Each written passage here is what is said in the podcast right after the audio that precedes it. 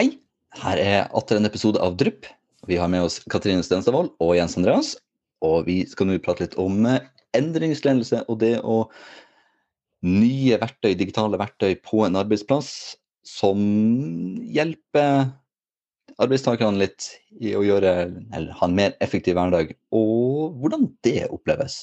Og her, Katrine fra Cognite, her har vel du litt erfaring å komme med? Jeg har jo fått det opp igjennom, både fra, fra Cognite og fra tidligere, tidligere arbeidsplasser. Men eh, for meg så tror jeg endringsledelse handler om å involvere eh, mange nivåer eh, i organisasjonen. Du må ha med alle, fra topp til bunn eller nedenfra og opp, alt ettersom hvordan man, hvordan man ser det. Fordi at hvis det er et brudd et eller annet sted da, i den endringsledelsen gjennom hele hierarkiet, så, så vil ting raskt stoppe opp. Mm. Men har du fremoverlente toppledere som ønsker endringer, ønsker verdirealisering, eh, og du har eh, mellomledelsen som er villig til å tilrettelegge for eh, en endring, tilrettelegge for opplæring, tilrettelegge for eh, kanskje involvering eh, fra deres ansatte, eh, så vil ting gå veldig mye lettere. Samt ha da en fremoverlent eh, brukergruppe som ønsker å se muligheter og, og bidra. Gjerne i en eh, iterativ produktutvikling. Mm. For, for, det er vel også noe av hele liksom, kjernen i det som heter sånn, medvirkningsbasert endringsledelse. Det er vel at du skal ha alle med deg fordi mål om endring ikke skal komme som et krav ovenfra ned, men som nå alle skal være involvert i. Eh, og eh, her tenker jeg produktutvikling som må kanskje ha en litt lettere innsalgs... Uh, jeg har lyst til å komme, med en, litt, til å komme ja. med en spisset påstand. Jeg, jeg liker å være brannfakler her. altså, jeg tror eh, endringsledelse er vel et av de ordene som jeg har hørt mest misbrukt, samme, samtidig med smidig. Eh, jeg, tror, jeg tror man kan sette selskaper i to kategorier. En, de som tenker endringsledelse top down, og de som tenker endringsledelse eh, bottom up. Eh, og så sier, som du sa, Håvard, at eh, endringsledelse eh, må være forankret i bånn. Jeg tror det avslører fortsatt et sånn top down-syn, da. At eh, man skal involvere de ansatte med mer enn at endringen faktisk også skal komme fra dem. Uh, og bare som et innspill der, så tenker jeg at det er eh, og Det er jo der jeg mener at man også linker dette tilbake til litt sånn brukerdrevet designprosesser og produktutvikling. For det er da du får den involveringen fra de som faktisk da skal ta i bruk produktet. Ja. Um, og det er jo ingenting jeg syns er bedre enn når våre sluttbrukere korrigerer både mellomledelse og toppledelse eh, i forhold til både verdi, eh, i forhold til risiko. F.eks. at eh, ledelsen er redd for at dette her eh, vil øke en risiko, f.eks. For, for en, en hendelse eller en uønsket hendelse. Men hvor mm. sluttbrukeren kan komme og si nei pga. sånn, sånn, sånn og sånn, så vil det ikke være det. Mm. Um, samtidig, da, bare tilbake til det Håvard så vidt nevnte, så vil jeg jo også si at, at det er litt naivt å tenke at man vil få med seg alle i en initiell runde. Jeg tror at man vil fort se på en måte noen superbrukere som på en måte stikker hodet litt mer fram. Mm. Eh, jeg tror også at man vil fort se de type early adopters som man på en måte kan, kan dra veldig veldig nytte av i spesielt tidlige faser i en produktutvikling. Og man skal ikke undervurdere viktigheten av akkurat de brukerne. Mm. Um, fordi etternølerne, de som ikke er så fremoverlente, de lytter veldig mye mer til sine kollegaer som forteller de gode historiene eh, på, over en kopp kaffe på arbeidsplassen enn eh, toppledelsen som kommer og forteller at eh, her skal du ta i bruk et produkt, og, og det krever vi av deg. Det er jo en helt, det, dette er jo de samme ordene og det samme som skjer når du skal lansere noe ute i forbrukermarkedet også. ikke sant? Du har early adopters, du har de som påvirker andre, eh, og du har de som kommer først når produktet er modent og alle andre har tatt i bruk, og det er måten å, å gjøre det på. Mm.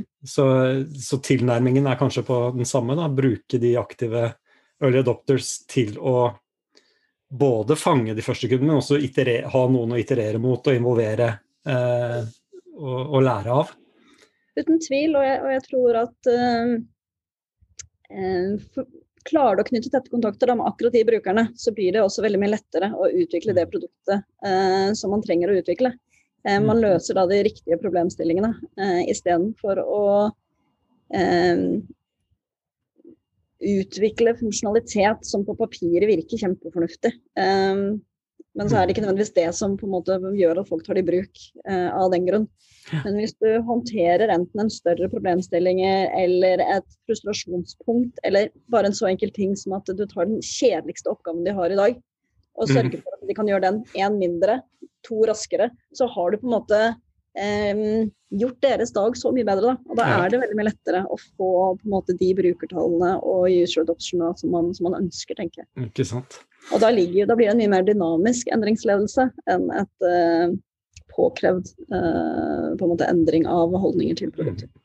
Det, er, eh, det er nesten um, grensedragning her, eller, eller, eller, en tilstøtende problematikk da, knyttet til dette her med kontinuerlig forbedring og eh, Toyota Way. Den, dette med at du er i en driftsorganisasjon, du, drift, du, en, du jobber tett på en prosess da, i et større selskap og, og hvor eh, eh, denne ideen om at den som står nærmest prosessen, også har eierskap til den og kan forbedre den ved at man man har, har, et fokus på at den som gjør jobben, også kan komme opp med forslag til forbedring av prosessen.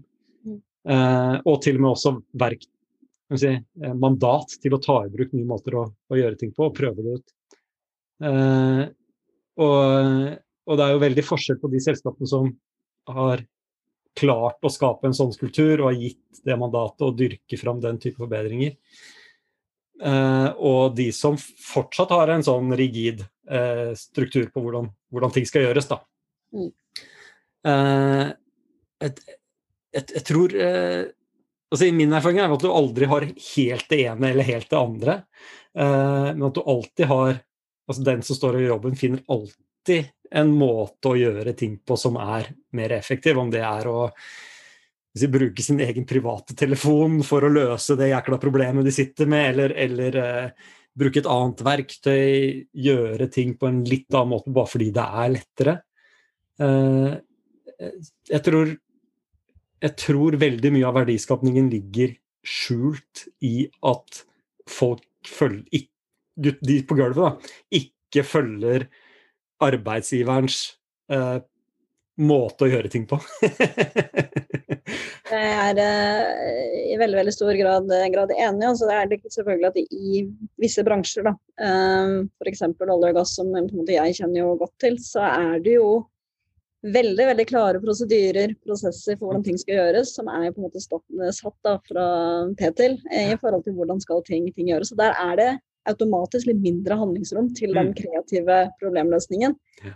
Um, og Det er litt derfor jeg også nevnte innledningsvis at jeg tror at det er viktig at man har liksom den der eh, holdningen til endring gjennom hele organisasjonen.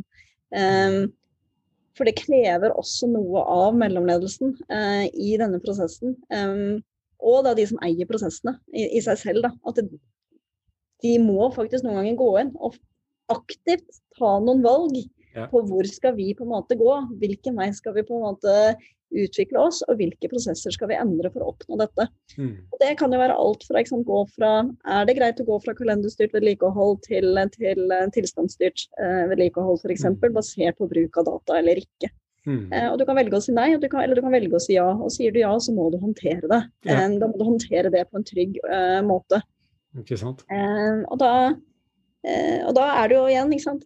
det forplanter seg til hvordan sluttbrukeren skal forholde seg, og det vil også forplante seg i forhold til hvordan toppledelsen skal eventuelt ta ut og realisere den verdien da, som, mm. som ligger der. Eh, og, og, som setter eh, måte føringer også på strategien til selskapet i sin helhet. Mm. Eh, og jeg tror at klarer man å ikke nødvendigvis tenke top down eller eh, down up, men tenke at dette her må på en måte være på plass gjennom hele linjen på ulike nivåer så tror jeg man ser resultatene eh, raskere enn, mm. en at det kommer fra den ene eller den andre siden. Helt tilfeldigvis så diskuterte jeg en tilsvarende sak i den eh, Slack-gruppen som heter Smidigalliansen i går kveld. Eh, for jeg kom på en, en, en sak fra Avinor hvor jeg jobbet. Hvor jeg var nede på besøk i bagasjeanlegget. Og der jobber man med eh, etter disse Kaizen-prinsippene med kontinuerlig forbedring. Og, og, der hadde skjedd en sånn endring. og da, Så alle får med seg hva jeg snakker om. Det er inni bagasjeanlegget i Gardermoen. Det er egentlig halve flyplassen, bare etasjen under der hvor folk går. Så jobber det da folk som flytter kofferter, og har eierskap til hele, hele den prosessen der. Eh, og de hadde gått fra å bli fortalt hvor fort de må flytte kofferter fra et fly til et annet for å kunne oppfylle kravene som hovedkvarteret i flyselskapene har satt, på når, eh, hvor tette flyavganger de kunne ha. Og der er det noe av det samme. Det er sikkerhetsaspekter, det er eh, ekstreme kostnader ved eh, ventetid. Eh, så det, dette kom da bare som føringer fra eh, ledelsen, og, og, også krav om optimalisere, ikke sant, og kutte x antall eh, sekunder. Da. Men etter at de hadde begynt å jobbe med litt lokal optimalisering, da, hvor, de, hvor, de, hadde eierskap til å lage MVP-er, så, så hadde de snudd det til to ganger å kunne ringe tilbake igjen til hovedkvarterene og si at nå kan dere fly neste avgang tidligere fordi vi har funnet en måte å få bagasjen fortere fra et fly til et annet. Og set, Da er du inne på det du snakker om nå. ikke sant? Plutselig er det noen andre som bidrar til noe som gir enorm verdi for selskapet. Mm. Eh, og du må ha en organisasjon som da evner å A. støtte, gi rom til sånne prosesser, men B. også fange de opp. Sånn at plutselig så er det noen andre som sitter og må endre seg og mm. sine tabeller, og det er kanskje et Excel-ark eller og, og, noen pilotrulleringer og, og andre ting da, som blir påvirket av at noen i bagasjeanlegget har eh, klart å innovere. Mm, og så har du dette som kommer da, det kommer litt selvfølgelig an på organisasjonene, men skalerbarhet. da, ikke sant? Kan denne endringen også bli implementert i andre deler av organisasjonen eller andre avdelinger eller andre Eh, plattformer, installasjoner, ikke sant? sånn at vi kan på en måte trekke ut denne verdien og forbedringen eh, yes. over hele linja. Yes. Um, og, og det, er, det, er, jo ofte der jeg vil kanskje si at endringsledelsen svikter litt. Da. At man klarer ikke helt den skaleringen. Og det kan være vanskelig å skalere. Eh, også fordi at eh, for å sette opp rent sånne forbedringsinitiativer, så i hvert fall hvis det er styrt på data, så er det i hvert fall fram til kanskje de siste årene, vært drevet av veldig mye manuelt oppsett. Eh, og hvordan skal du da skulle kunne skalere? Eh, men nå eh, så beveger man seg mye raskere. Man har altså mye mer tilgang på, på, på, data som gjør at man lettere kan kunne skalere eh, gode løsninger på tvers. Mm. Eh, og da kommer endringsledelse, Da er endringsledelse enda viktigere, tenker jeg. Ja, det er jo det. Hm. Ok, men dette her er jo vi kan snakke timevis om, om, om, disse tingene her. Jeg blir veldig fascinert uh, av uh, sånne ting som uh, boreplattformer og, og, sånt noe. Har du vært ute på en av de? Har du jeg har vært ute på, på flere, flere oljeplattformer. Så det er utrolig, utrolig spennende. Og første gang jeg dro ut, så må jeg innrømme at jeg ante ikke hva som ventet meg. Så det var ganske nervepirrende. Men jeg syns det er helt fantastisk å komme ut der og ja. Hvordan blir du ansett som teknolog og produkteier for noe som kommer og skal endre hvordan de jobber der ute? Hvordan, er, hvordan blir du mottatt? Nei, Jeg har blitt mottatt eh, ekstremt bra eh, over hele linjen. Og det, de har veldig respekt for at jeg har mitt fagfelt, og jeg har veldig respekt for at de har sitt. Og så er man på en måte avhengig av hverandre eh, mm. for å kunne eh, skape gode løsninger.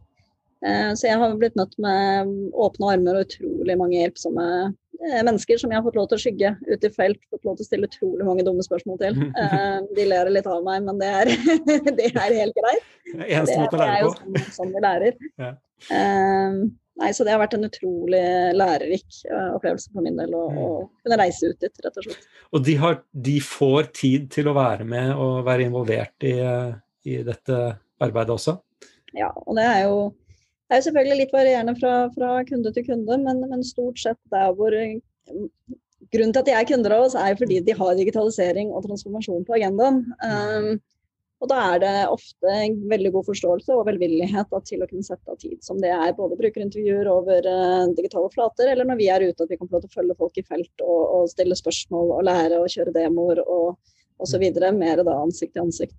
Mm. Uh, så det oppleves stort sett veldig velvillighet rundt, rundt det. jeg, jeg, må spørre, men du trenger ikke svare. Altså, men det, har du liksom funnet noen sånne ting som bare er wastes? Altså, noen, er det noen ting i hverdagen til de brukerne som du har sett at shit, her går det veldig mye tid, krefter tapt på en sånn helt banal ting? Det er uh, i hvert fall, Kanskje ikke så mye nå, men hvis du tar det sånn tre år tilbake til da jeg begynte å jobbe, så ble jeg helt sjokkert eller overrasket over hvor mye printing av papir det fortsatt var. Ja.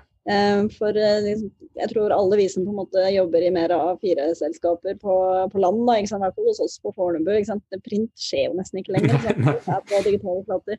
Mm. Så mye printing av papirer og manuell markering av informasjon. Eh, og jeg har full forståelse for de hadde ikke noen andre måter å gjøre det på.